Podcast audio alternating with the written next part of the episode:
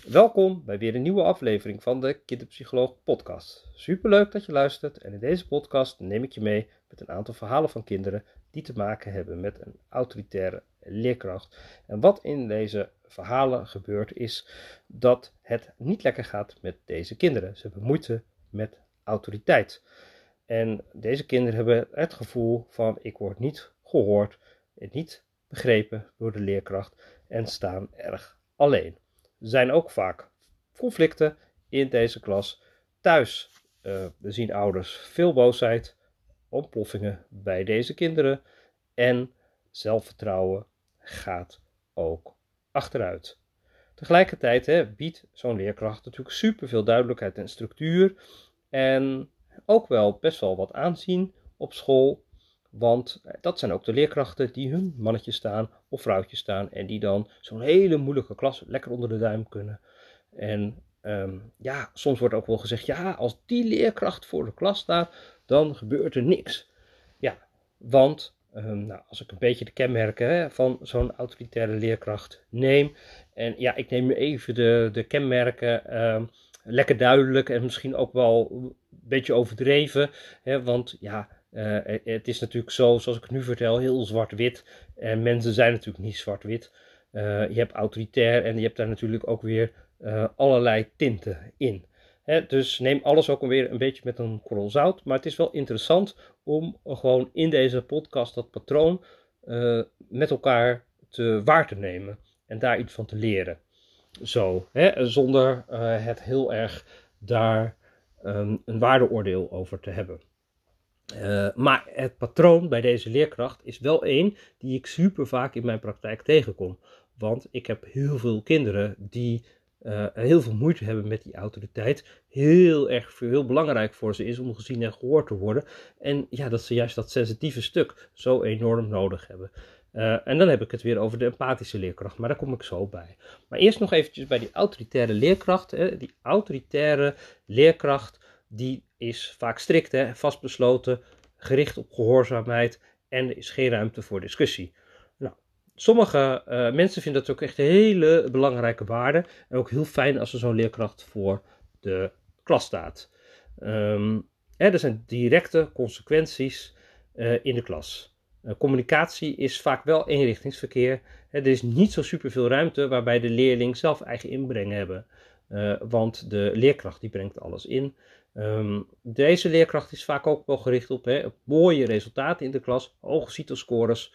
Uh, dat is belangrijk. Er is orde, uh, maar tegelijkertijd, uh, doordat de leerkracht zo sterk staat, is er natuurlijk bij de kinderen ook minder ruimte voor individuele groei. En um, ja, kan ook soms misschien, hè, als het te veel van het goede worden, zijn hè, dat persoonlijke groei zelfs wat onderdrukt wordt bij deze kinderen. Uh, ja, en dan de autonomie van kinderen. Ja, de leerkracht is natuurlijk hoog in autonomie. En ja, de, de, de autonomie bij de kinderen is dan als gevolg daarvan natuurlijk ook lager. Want er is minder ruimte om de dingen zelf uh, op te lossen. En dan zie je ook weer onzelfstandig uh, gedrag erbij. En wat ook wel echt heel opvallend is, is dat kinderen heel erg gericht zijn op het vermijden van straf en het verkrijgen van beloning. Want dat is hè, wat deze leerkracht doet, hè, veel gericht op het uh, gedragsmodel. En ja, op het moment dat je nou ja, in een goed plaatje wil kopen voor de leerkracht, dan betekent het ook hè, dat je te doen hebt wat de leerkracht zegt. Uh, dus um, het vermijden van straf en het verkrijgen van beloning is dan ook een goede strategie om hier te hanteren. Um, maar ja, goed, als je dan een andere mening hebt, dan hou je die natuurlijk liever voor je. Uh, zo, en dat is dus ook wat gebeurt bij deze kinderen. Hè, die houden heel veel binnen. Nou ja, en je snapt het al thuis, veilige haven, boem, komt hij eruit. Ja. En um, ja, dat, dat, dat is dan wat er dus dan echt gebeurt. Hè. De focus van de kinderen is dan echt extern gericht. En het handelen van de kinderen komt dan veel minder van binnenuit, vanuit uh, het zelf. Uh, ja, dus die, de zelfbewustzijn is dan ook veel minder. De empathische leerkracht aan de andere kant, die is veel meer gericht op uh, de emotionele toestand van, van de kinderen aanvoelen. Hij is geduldig, sensitief en weet dan vanuit, die voelt dan vanuit intuïtie van, oh nu kan ik een beetje druk zetten en nu sluit ik aan. Hij is heel erg gericht op empathie en op verbinding en vanuit die houding ehm, zet uh, de leerkracht ook mooie stappen. Ehm, het forceren, ja, dat doet deze leerkracht dus niet. Dat is natuurlijk ook gelijk weer, hè, je wil natuurlijk vooruitkomen op school, je wil CITO-doelen halen en aan die kant. Uh, maar dat doet dus deze leerkracht veel minder. Die, het welzijn staat eigenlijk veel, veel meer in het aanzien, is belangrijker uh, dan. Nou ja, en dan is natuurlijk ook een beetje de vraag: uh, wat verstaan we dan met z'n allen onder dat welzijn, welzijn op school? Um, hè? Um, het, is het sociaal-emotionele belangrijker of is school gewoon puur voor, um, ja, voor de leerresultaten. Nou ja, dat is natuurlijk ook een interessante discussie. Uh, en je ziet ook dat deze leerkrachten daar ook misschien net iets verschillend over zouden kunnen gaan denken. Die open communicatie is dan ook bij de empathische leerkracht weer super belangrijk. En die is dan in staat om zich heel flexibel aan te passen. Waarbij de autoritaire leerkracht echt uh, ja, vrij star is in aanpak. Maar daardoor ook weer heel duidelijk. Mm, het mooie van de empathische leerkracht is de begrip voor de unieke achtergrond van de kinderen en de ervaringen. En ze past die lesmethodes dan ook veel flexibeler aan en biedt dan daar ook hulp weer aan. Dat zorgt dat kinderen zich enorm gezien, gehoord en ook veilig voelen. Um, de emotionele uitbarstingen, bijvoorbeeld bij onze pleegkinderen, ja, die zijn echt gelijk heel veel minder bij deze leerkrachten. Het welzijn staat eigenlijk keer op keer voor. Maar ja, goed. Um, je hebt natuurlijk niet altijd zo'n uh, leerkracht voor handen. En um, ja, het is natuurlijk ook niet zo dat een leerkracht helemaal. Uh, ja, je kan natuurlijk zo'n schaal eigenlijk bedenken. En eigenlijk heb je dan twee schaaluitersten de autoritaire leerkracht en de empathische leerkracht. En het is ook wel ja, op die schaal dat de leerkrachten ook in het midden ertussenin zouden kunnen zitten. Maar nou ja, wat ik in ieder geval merk bij de kinderen die, uh, waar het hier om gaat, dat zijn dan ook echt de leerkrachten of de kinderen die echt zo'n autoritaire leerkracht hebben. En uh, die kinderen die dan ook echt heel veel moeite hebben met die autoriteit. En ja, dan betekent het ook gewoon echt het jaar doorkomen. Hè? Dat is dan echt wat, wat je te doen hebt. En ja, je hebt natuurlijk gewoon, gewoon geen keuze als ouder, want ja, uh, dit overkomt je. En dit overkomt je kind ook. En het is natuurlijk ook belangrijk dat je kind leert met verschillende mensen omgaan. En ja, de ene die is gewoon wat strikter en de andere is uh, wat warmer. En ehm, nou ja, dat betekent ook dat je kind daar gewoon ook iets in te leren heeft. En dat geldt ook voor ons. Alleen, ja, het lastige is dat de kinderen die ik in mijn praktijk krijg, ja, die zijn zo ontdaan en die hebben echt dat sensitieve stuk nodig. Die vragen echt om dat die leerkracht echt die stap kan doen en helemaal kan reflecteren en de ogen uh, en vanuit het perspectief van het kind kunnen kijken naar de wereld. Ja, en ja, op het moment dat dat niet lukt, dan wordt het wel echt heel lastig. En zeker als de rest van het zorgteam uh, ook achter zo'n autoritaire leerkracht en de directie ook achter zo'n uh, leerkracht gaat staan. En dat is natuurlijk ook, ja, dat heb je natuurlijk eigenlijk ook wel te doen als school en als directie om achter je leerkracht te gaan staan. Uh, maar tegelijkertijd uh, krijg je dus dan wel echt een hele ingewikkelde. Want aan de ene kant vraagt een kind um, juist dat gezien worden, dat erkend worden. En aan de andere kant heb je dan die, uh, die leerkracht en die wel helemaal vanuit het hart het goede wil doen. En heel hard aan het werk misschien ook wel is. En um, ja, doordat dit stuk vaak ook een blinde vlek is, bij de leerkracht um, ja, zo overtuigd van om het goede te doen, maar onbedoeld doet ze eigenlijk precies het verkeerde, waardoor er voortdurend van die escalaties en dingen komen.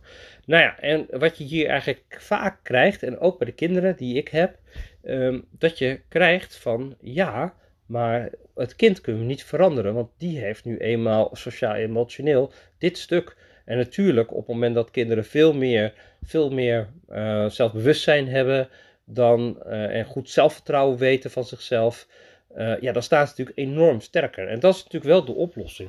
Want op het moment dat je als kind hier um, ja, niet zo afhankelijk bent van de bevestiging van zo'n leerkracht, en de erkenning voortdurend nodig hebt, dan ehm, ja, hè, die hele eigen kinderen, daar heb ik het een beetje over, ja, die staan eigenlijk sterk, want die ja, maakt eigenlijk niet uit, weet je, die hebben daar gewoon niet zo'n gedoe over. Ehm, die kunnen dat gewoon naast zich neerleggen. Maar kinderen die uh, daar kwetsbaar in zijn, en, ja, die hebben dat gewoon, dat stuk gewoon nog niet ontwikkeld. Uh, dus uh, ja, die zijn eigenlijk voortdurend op zoek naar de bevestiging en erkenning van anderen. En dat is ook bij ons pleegkind is dat zo die uh, ja, eigenwaarde is gewoon nog echt super laag. Er wel heel veel opgebouwd. Maar ja, die heeft wel voortdurend nog die bevestiging van anderen nodig om sterk te staan in de wereld. En ja, het mooiste is dat die, dat die erkenning uit jezelf kan komen. Dat je gewoon denkt van ja, maar ik heb dit en dit en dit gedaan en dat was prima. En uh, ik heb goed doorgezet, ik heb uh, geprobeerd, ik heb een paar nieuwe dingen gedaan. Nou, en die vond ik nog te lastig. Of ik heb daar drie fouten gemaakt. Nou ja, voor de volgende keer kan ik daar weer mee verder. Zo, en nou, voor vandaag genoeg. Ik heb gewoon prima gewerkt vandaag. Hè, dat je die zo kan geven. En dan ben je dus um, ja, heel erg op het proces gericht van het leren en niet op het resultaat. Nou, op, dus op het moment dat je die ik-sterkte bij kinderen gewoon veel sterker kan maken, ja, die, dat, dat zou natuurlijk super helpen. Maar aan de andere kant zou je ook willen dat die leerkracht meer gaat naar uh, het zien van de kinderen. Maar juist ook dat stuk vinden ze gewoon onwijs ingewikkeld uh, om dat te doen. Uh, het, het, reflectievermogen of het eigen stuk, um, ja, dat is gewoon niet. Uh, um, het is ook, ja, weet je, mensen zijn natuurlijk gewoon ook allemaal verschillend. En je hebt natuurlijk je sterke en je zwakke kanten. En deze zie je misschien ook, of herken je misschien thuis ook wel, dat je sterke ouderen hebt die ja, die ook duidelijker is en veel gestructureerder is. En weet je, zodat misschien ook wat harder. Uh, en aan de andere kant heb je misschien de andere ouder die veel empathischer, zachter is en zo. En ja, de kunst is hè, om die twee benaderingen te, uh, een beetje samen te nemen. En dat je aan de ene kant dat je echt die verbinding houdt en tegelijkertijd die duidelijke structuur doet. Dus op het moment dat je meer naar die middenkant kan bewegen, ja, dan zou dat natuurlijk super uh, fijn zijn. En dat zou natuurlijk mooi zijn als zo'n leerkracht meer die kant op kan bewegen en wat zachter wordt. dat je kind niet elke keer tegen een plank aanloopt. Uh, iedere dag en dan heb je thuis zo dat. Maar ja, in de wereld is het nou eenmaal zo dat we, ja, waar heb je wel invloed op en waar heb je niet invloed op? Um, ja, dat is gelijk een lastige, want uh, nee, in ons geval als pleegkind, maar ook de kinderen die ik begeleid, die kan je gewoon niet uh, sneller laten gaan. Die sociaal-emotionele ontwikkeling, ja, die gaat zoals die gaat. Uh, daar is een tempo in en je kan de natuur daarin niet veranderen. Maar tegelijkertijd kan je ook de eigenheid van de leerkracht niet veranderen. Daar heb je ook maar mee te dealen. Dus dat betekent dat je soort van zonder zoveel mogelijk kleerscheuren dan het jaar door hebt te komen. Ja, nou ja, dat. Uh, samenwerken is natuurlijk dan echt een hele belangrijke. En ik ga in deze podcast ook geen hele riedel geven van tips en adviezen die heel goed werken. Maar ik geef maar gewoon aan van zo ja, dit zijn dan de factoren. Het interessante is dat iedereen wel zijn best doet hè, hier. Iedereen is aan het werk. Uh, en tegelijkertijd um, sluit het niet aan. Hè. Het is dus geen passend onderwijs dit wat hier gebeurt. Want uh, het lukt niet om dat te doen wat nodig is. En ja, het kind kan je niet uh, naar voren bewegen en de leerkracht kan je eigenlijk ook niet naar voren bewegen. Als ouders kunnen we natuurlijk wel uh, achter ons kind blijven staan. Dat is natuurlijk heel super belangrijk, dat je naast je kind blijft staan. En ja, de leerkracht afvallen, nou, dat is natuurlijk de, de, de, andere kant die je dan gaat doen. Die ik ook merk bij veel ouders, die dan als een leeuw of leeuwin voor het kind gaan opkomen. Maar tegelijkertijd gaat dat ook niet je verder brengen. Dus ook hierin, uh, die heftige emoties, die werken ook niet. Uh, tegelijkertijd, nou ja, is dit dus uh, ja, wat het is. En betekent dat het gewoon veerkracht ontwikkelen ook gewoon hierin heel belangrijk is. Dus ja, dus, dit is een jaar waarin er gewoon heel veel incidenten zijn. En die komen. En al die incidenten, ja, die moeten we dan proberen op te vangen als ouders en klein te houden. En net weer elke keer net eventjes zo um, die tips aan de leerkrachten geven die net even helpt of net die ideeën geven. En ja, het moeilijke maakt ook wel dat zo'n leerkracht ook ja, daar gewoon uh, niet altijd wat mee doet. Maar ja, dat is dan, dat is dan het ook wat het is. Dus uh, ja, dus die is dus echt super, super, super, super belangrijk om maar te blijven focussen. Hè? Dus als ik echt samenvat van ja, wat kan je dus doen? Blijven focussen op de vaardigheden. Want ja, in de wereld zijn er nou eenmaal mensen die gewoon ook in deze rol zitten. Weet je, daar krijg je gewoon mee te maken. Je hebt mensen die, in, uh, die autoritair zijn. Uh, en die stevig staan en die op die manier met je omgaan. En uh, ja, bij ons natuurlijk, bij onze pleegkinderen, onze wereld, wij, hebben, wij proberen, uh, nou ja, curlingouders zijn we nog net niet. Maar ja, weet je, we proberen natuurlijk wel zoveel mogelijk daar waar het kan, uh, de wereld zo sensitief mogelijk te maken. Maar ja, ook hier lukt het niet. Weet je, hier, hier, ja, hier heeft ons kind ook gewoon mee te dealen en in te groeien. Eh, dus ja, dus het enige wat we dus dan dit jaar dan ook kunnen, schade beperken. Nou, dat is in ieder geval een belangrijke. Thuis heel erg opvangen, proberen zelf. Um, het vraagt gewoon van ons heel veel om te incasseren de komende periode. Nou, die is ook echt uh, super belangrijk. En tegelijkertijd naast ons kind blijven te staan, zodat hij niet alleen blijft staan. Dus dat is echt de belangrijkste die ik dan ook meegeef. Um, ja, wat ik natuurlijk wel doe, en dat is natuurlijk wel fijn op het moment dat je. Kijk, in onze relatie met de leerkracht kunnen we dat verder niet, omdat wij de ouders zijn. Maar op het moment dat ik de uh, kinderen heb die ik begeleid, en die richting schorsen gaan, en weet je, zo, uh, of dat de uitbarstingen zo dusdanig heftig zijn. Kijk, ik kan natuurlijk ook in gesprek met school en met de leerkracht. En op het moment dat ik dat doe, dan kan ik ook weer de leerkracht gaan helpen om net het handige te doen. Dus dat is natuurlijk super waardevol. En uh, ja, ik werk in mijn praktijk natuurlijk ook op die vaardigheden van kinderen te versterken. En ook dat is dan weer een super belangrijke. Dus um, ja, dus wat kan?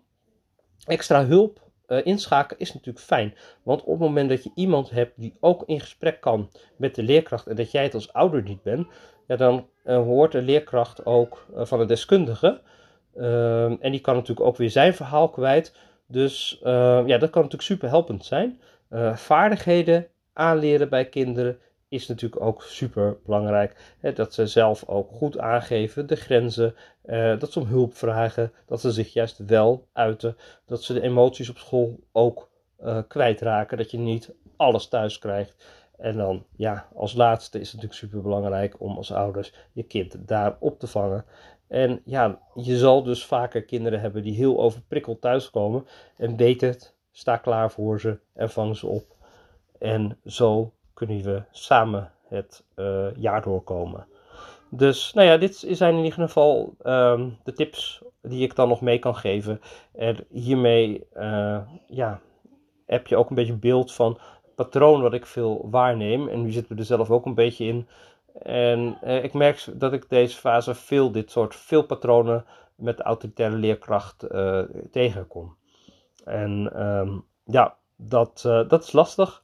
En tegelijkertijd is dat ook iets waar wij en de kinderen mee te maken hebben. En waar we door moeten komen. Ja, zo zijn we aan het einde gekomen van deze podcast. Misschien heb jij ook thuis een kind en dat je denkt van ja, het is ook echt heel pittig hier. En we lopen ook een beetje vast en we zouden het fijn vinden dat er iemand is die meedenkt. Ja, plan dan gerust even een belafspraak in. Tot met januari um, zijn er vergoedingen in Amersfoort mogelijk. Dus als dat is, dan, um, ja, dan is dat echt belangrijk of kan het heel waardevol zijn om dat nu te doen. Uh, daarnaast uh, kan je natuurlijk ook particulier bij mij terecht en kan ik je ook begeleiden. En op afstand kan ik jou ook begeleiden. Uh, zeker in combinatie met bijvoorbeeld twee uh, gesprekken en um, wat online programma's. En soms uh, komen ouders toch nog één of twee keer met een kind deze kant op. Kan je zo ook echt een heel mooi pakket samenstellen. En ook dan kan ik natuurlijk ook gesprekken aangaan met de leerkracht. Want online kan je gewoon, nou ja, ik heb cliënten tot en met tegenwoordig in Ghana. Dus alles kan in deze tijd, zeg ik dan ook maar. Ik wens je een fijne dag en ik spreek je heel graag bij een volgende podcast. Doei doei!